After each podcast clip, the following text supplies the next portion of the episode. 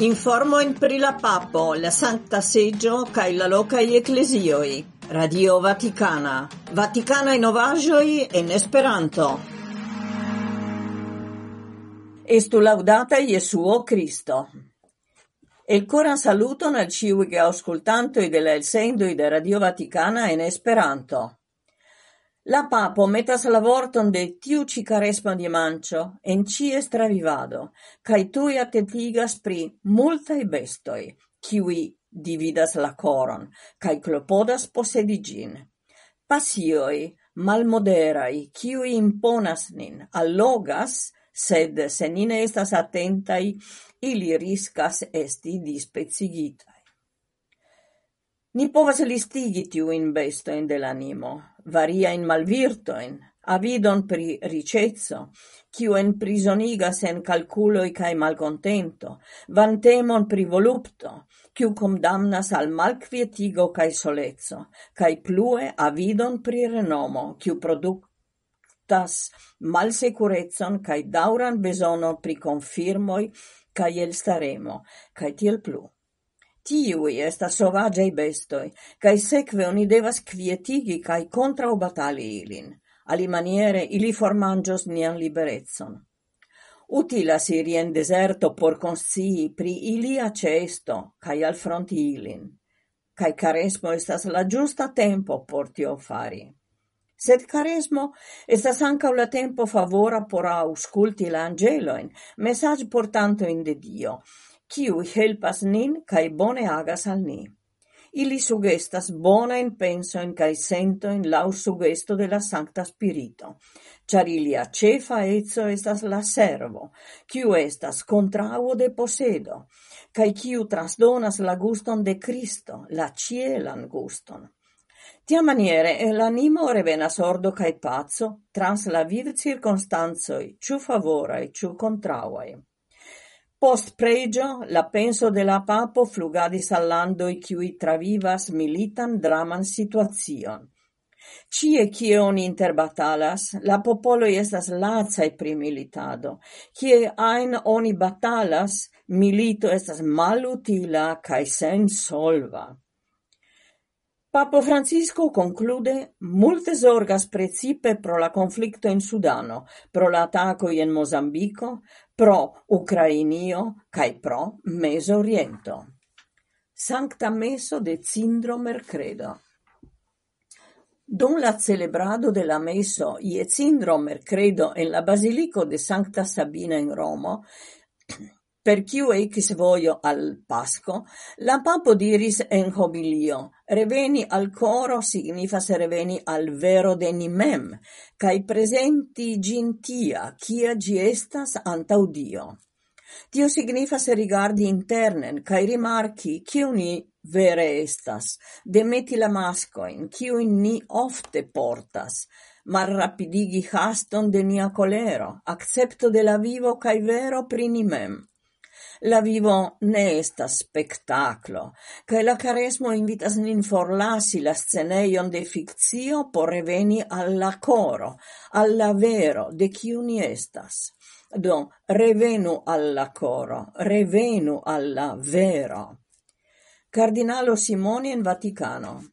Cardinalo Ernest Simoni Trosciani cestis la decvaran de februaro la generalan audiencon. Post la catechiso, en la momento de la salutoi, la papo turnis sian rigardon al li por saluti lin. Ni ciui legis au audis racontoin pri la unuae martiroi de la ecclesio. Sedec hodio estas multae martiroi en la tuta mondo. Estas multae i pro sia credo.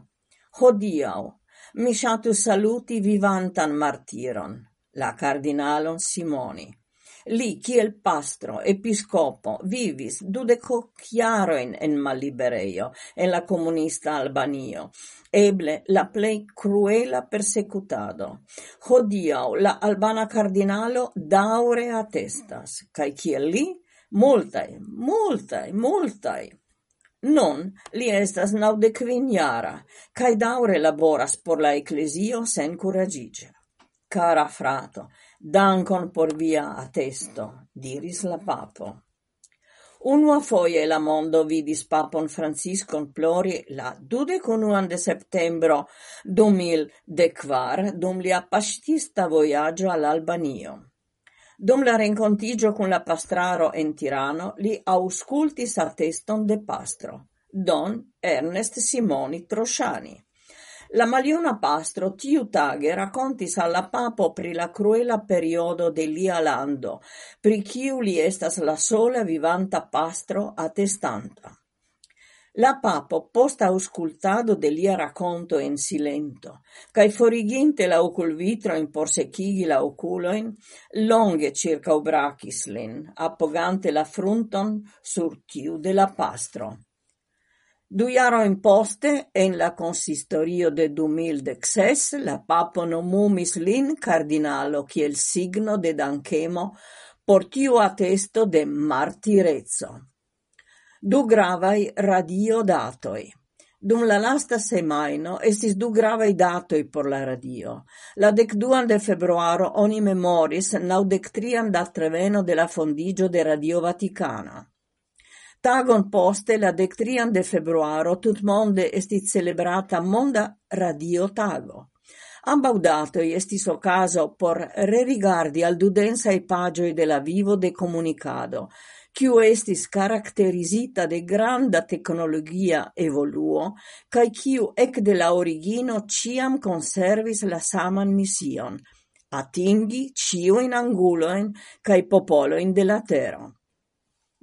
Pri la ocasaggio de la decdua de februaro 1931 oni notis, jam post eh, la dexesa horo antau la construaggio de Vaticana Radio vizigis tascimento de la Smisa Gvardio cae de la faco de la Palatina Gvardio.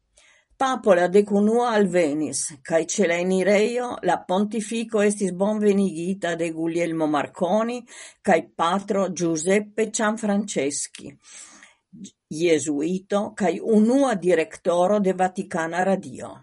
La unua parolanto estis la inventinto de la radio. Tiam prenis la parolon Papo Pio la decunuan, cae la vocio de la pontifico disvastigis tra la etero, tra la historio. Cae tie ci finigas nia elsendo. Salutas vin Edvige Ackermann, Eldo Derfler, Itka Skalicka cae la respondezza redaktoro Maria Belosevic. Estu laudata Iesuo Cristo.